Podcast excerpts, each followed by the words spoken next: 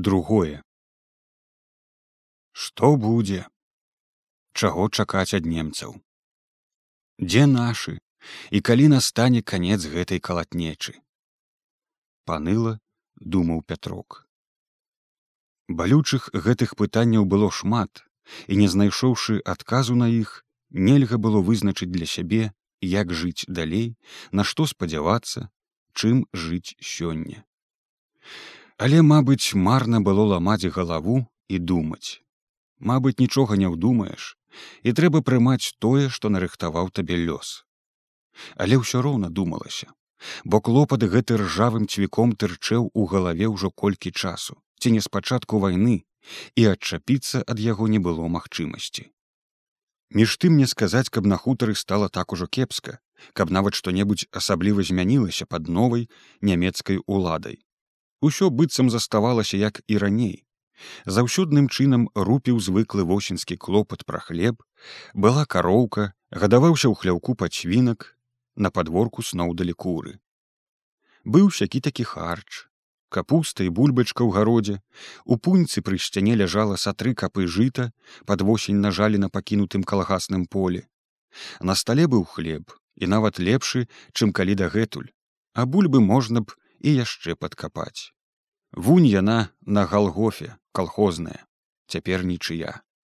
Высялкоўскія бабы паціху капалі сабе, каторыя спрытныя, не чакаючы якога дазволу, самі сабе ў прыклад. Яму б таксама не шкодзіла прыцягнуць мяшэчак ды засыпаць у капец на гародзе, які ён ніяк не мог акапаць за тыдзень. Сцепаніда наказвала сёння скончыць, прывядзе карову, зноў будзе сварка. Але ні да якай работы ў яго не ляжала душа. Галава была занята зусім іншым клопатам. Пятрок нудзіўся, бясконца дыміў самасейкай і то сядзеў на ўслончыку пры парозе ў сенцах, то няўцямна сноўдаў, як хворы ля хаты. Увага яго, аднак ні на чым не спынялася. Усё навокал было звыклае і даўно знаёмае. Ды і дзіва што. Тут ім пражыта двадцать гадоў жыцця, нялёгкага у працы нястачы і клопатах але іншага мабыць не будзе. Ды і гэта ўжо ідзе на закат у старасць. Можа б як і дабыў свой век не ў сытасці дык хоць у спакоі каб не гэта вайна. Апошнім часам пасля дажджоў узялася ў рост мурава для плота. І пятрок тупаючы па ёй усё спыняўся і азіраў падворак. Шмат год ён тут быў гаспадар а цяпер глядзеў на ўсё быццам чужымі вачыма. Быццам ён куды ад'язджаў развітваўся і яму было шкада ўсяго. Хата не сказаць каб была новая але дзерава папалася некалі добрае смаляная хвоя бярвенне на сценах троху патрэскалася але нічога хата яшчэ пастаіць. Страху вільчаку трэба б як-небудзь залапіць. Ля коміна ад самай вясны цячэ калі дождж таксама як і ў істопцы, што церасенцы пад адным з хатай дахам. У істопцы дык ліе добра ў дождж, на гліністым доле тады збіраецца лужына. І сцепаніда лаецца, не дабярэшся за лета атуліць дзірку. Але во не дабярэшся, то тое, то гэта. А галоўнае, няма жаднай ахвоты цягнуць свае косці на страху па драбіне. Усё думаецца, перастане дождж, высохне. А то патрывожыш гнілую салому, пачне ліць болей. Чаго хацець ад тае будыніны якой ці не сто можа гадоў. Ставілі глядзе яшчэ ці не за паншчынай а і стопку можа і яшчэ раней. Страха на ёй колькі памятаў пятрок зелянела под цэлаю шапкай моху. У маленькім на адну шыбку акенцы блізкала таксама зеленаватая ад старасці шкельца. Зрэшты шкельца куды маладзейшая за істопку якую некалі палілі па-чорнаму. У акенцы ішоў дым У цёмным куце яшчэ і цяпер смярдзіць застарэлым гарам чорная печ каменка. Самая можа спраўная тут будыніна новая пунька пры хляве. Праўда, з выгляду не дужа самавітая, сяк так складзеная з тонкага яловага вяршалля, у сценах спрэс шчыліны, але для пуні гэта не хіба. Вецер прадзімае, а дождж не мочыць. Ладзілі яе некалі з федькам. Думалася, калі не самому дык можа спатрэбіцца сыну. Адслужыць у войску а жэніцца будзе ў яхімоўшчыне. Усё ж сядзіба не самая кепская і ў здатным месцы наводдаль ад вёскі і непадалёк ад мястэчка. Жыць можна. Ды дзе цяпер федька? А ў пуньцы жытнія снапкі сохнуць на ветры чакаюць свае пары часам ён зніме зверху два-тры сушэйшыя ды абтрасеў сенцах на коўдры змалоўшы на жорнах сцепаніда спячэ пару боханаў хлеба. Ці многа на дваіх старых трэба. Пятрок азірнуў па-над плотам восеньскі шэры абшар з бульбай да самага лесу падышоў да калодзежа унізе ў чорным прадонні зруба блішчэла пляма вады. Цяпер яе набіралася шмат не тое што ўлетку. Вада ў калодзежы была смачная, заўжды сцюдзёная і чысцюткая як сляза. Гэткай вады не было тут нідзе, нават у высілках, дзе мелася аж восем калодзежаў. Некалі казаў пан Адольф тут бруяла крынічка. Можа таму і асталявалася тут сядзіба хімоўскіх на пагорку пры рове. Хто б не напіўся з калодзежа, заўсёды хваліў ваду. Гадоў восем назад замест старасвецкага асвера пятрок прыладзіў да зруба калаўрот з ланцугом. Зрабіў дашак, каб не лілося ў дождж. Яшчэ трэба б зрабіць накрыўку, каб не сыпалася што з падворка. Але ён думаў і так будзе добра. Што там насыплецца? Хіба ветрам занясе часам ліповага лісту, якім па восені засыпала дарогу, бульбянішча ды і ўвесь падворак ліпы дужа разрасліся абапал варот на прыволлі няма рады. І ўлетку атуляюць ценем ледзь не палавіну гарода сцепаніда ўсё каркае абсячы але ў яго на тое не паднялася рука. Як сячы такое хараство прыроды не ён іх саджаў саджалі людзі ліпы раслі тут пры ўсім ягоным жыцці. Ці гожа гэта скараняць людское? Хай растуць. Ён пастаяў ля калодзежа зірнуў на гасцінец за нівай, дзе нядаўна яшчэ відаць была сцепаніда з каровай, але цяпер сцепаніды не было відно. Мусіць пагнала ў параснікі. Час яшчэ быў не позні, да вечара гадзіны дзве па пасе. А як прыгоніць карову, тады ён хоча ці не змушаны будзе ўзяцца за працу. Тады ўжо прыйдзецца цягаць ваду, мыць парщуку бульбу, таўчы крупы. Тады ўжо не пабудзеш сам насам з думкамі ў цішы сцепаніда не дасць пагультаецца. Пятроўка зладзіў з рудога кавалка газеціны велікаватую самакрутку. Старанна завязаў скураны капшук са скуранымі ж завязкамі жыламі. Прыкурыць, аднак трэба было ісці ў хату, шукаць вугалёк у прысаку. Недзе было трохі запалак, але сцепаніда іх прыхавала, ашчаджаючы на які выпадак. Ведама, дзе цяпер возьмеш запалкі. У мястэчку ўвесь гандаль скруціўся. Дзве лаўкі ўлетку яшчэ расхапалі людзі, як ашалелі тады. І пакуль нямецкая ўлада чухалася, нічога не засталося ні ў сельпо, ні ў сельмагу. Ён таксама хадзіў разы два, сцепаніда пагнала. Ды не дужа нажыўся. З перакуленай жалезнай бочкі за крамай нацадзіў суляю смярдзючай газы з гушчай і ржы на сподзе. Невялікі для гаспадаркі набытак, але прыйдзе восень зіма спатрэбіцца. Хужы вось няма солі а без яе шмат не з'ясі. Але ці толькі солі няма? Можа самае горшае няма коня толькі пятрок павярнуўся каб адысціся ад калодзежа як згледзеў за плотам карову. Бабоўка шастала наўпрост па бульбоўніку да варот чамусьці ад лесу а не як заўсёды дарогай і за ёй у расхрыстанай ватоўцы подбегам шыбавала сцепаніда. Хустка яе збілася на бок, на лбе тырчэла сіваватая пасма валасоў. Пятрок з маўклівым пытаннем уставіўся на жонку. Было яшчэ ранна. Бабоўку яшчэ трэба было папасвіць да вечара. Але, мабыць, штось здарылася. І ён падышоў да варотаў і выцяг папярэчыну, каб упусціць карову. Пятрок, немцы, а? Кажу немцы там на гасцінцы мост ладзяць мост? Гэта была навіна. Пятрок такой не чакаў. Можа толькі цяпер ён зразумеў як добра было тут без моста і якая пагроза насоўвалася на хутар разам з гэтым мостам. Тады дрэнь справа куды як дрэнь наехала немцаў. Нашы местачкоўцы з падводамі возяць бярвенне нешта трэба рабіць. А то прыедуць абрабуюць. Як жыць тады? Але ж толькі што рабіць? Збянтэжана стаяў пятрок. Пахаваць хоць дабро кароўку ў лес калі прывязаць. А свінчо? Свінчо іх паршючка вядома не прывяжаш да хвоі.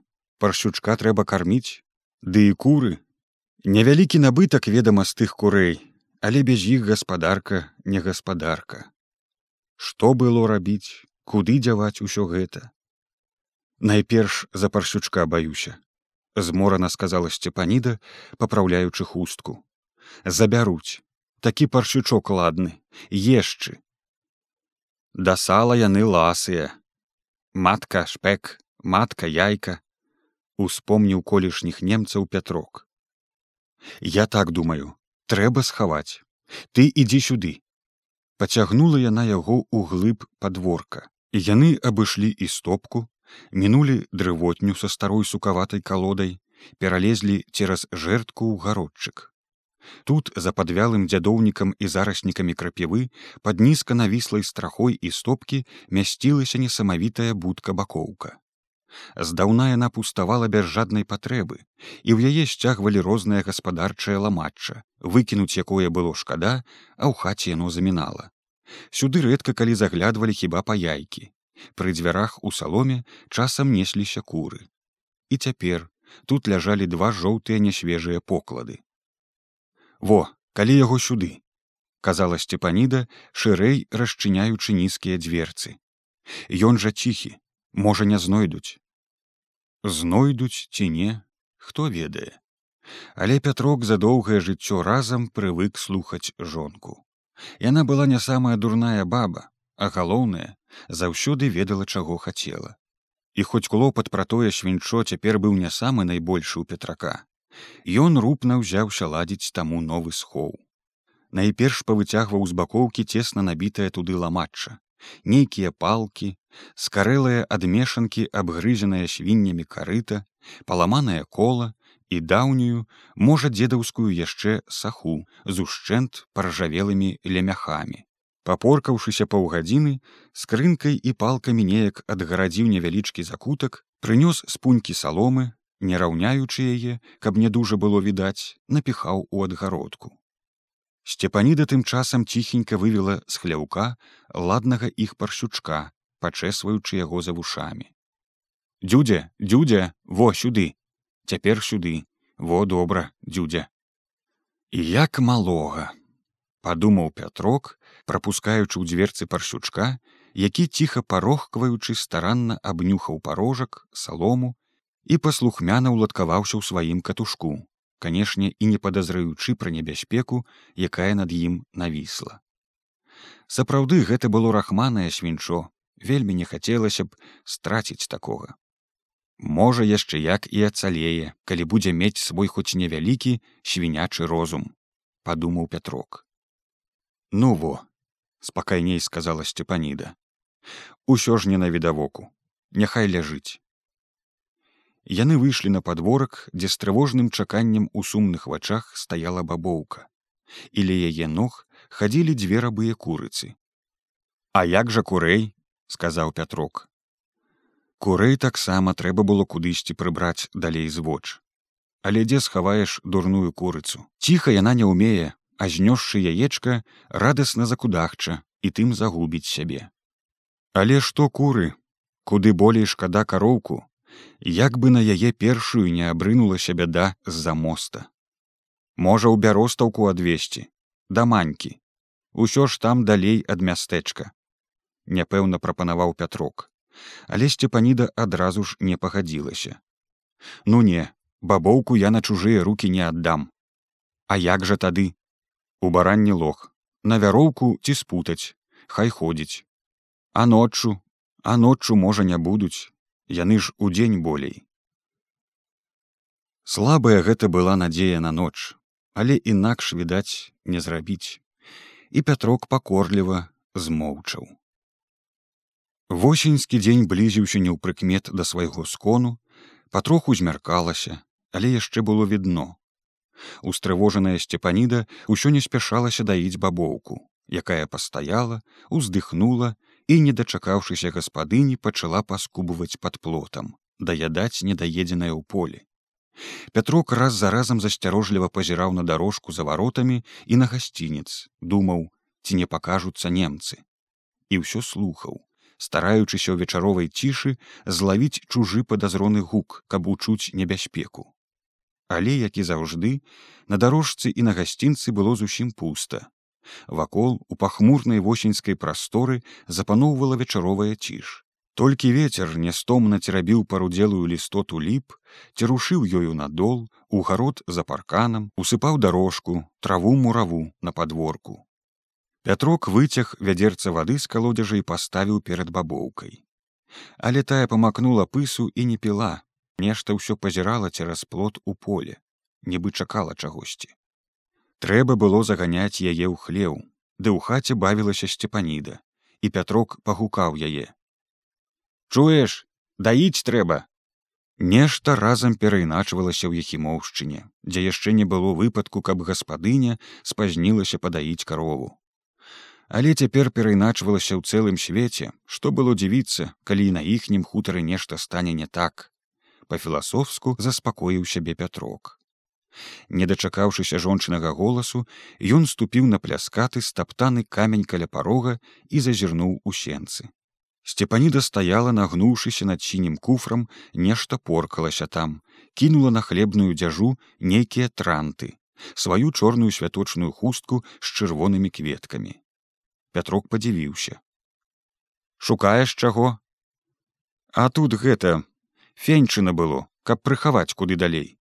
Што феньчына, сукенкі, не выдумляй ты, каму яны трэба.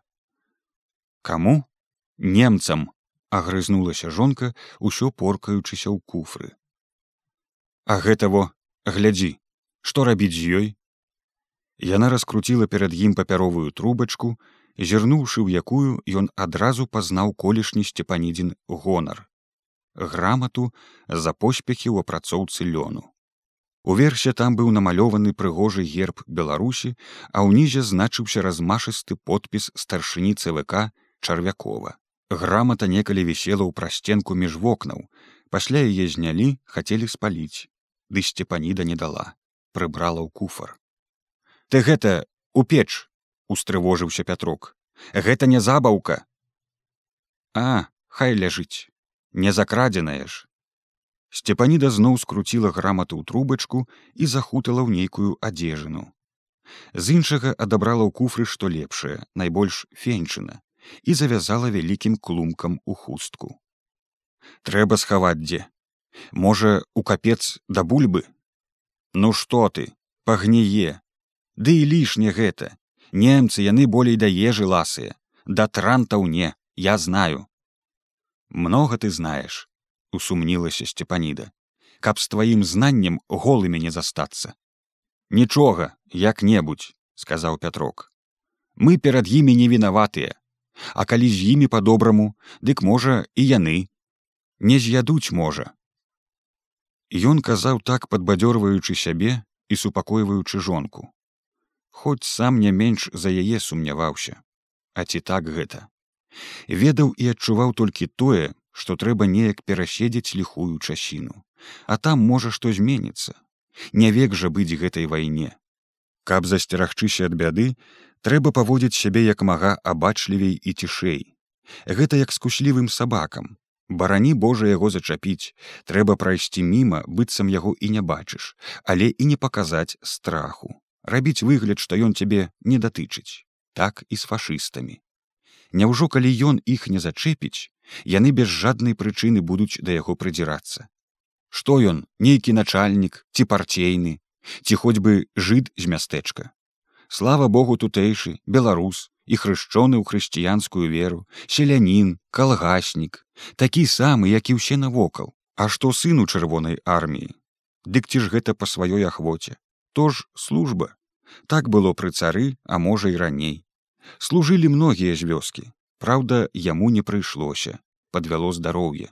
Усё ягонае жыццё прамінула тут на вачах у людзей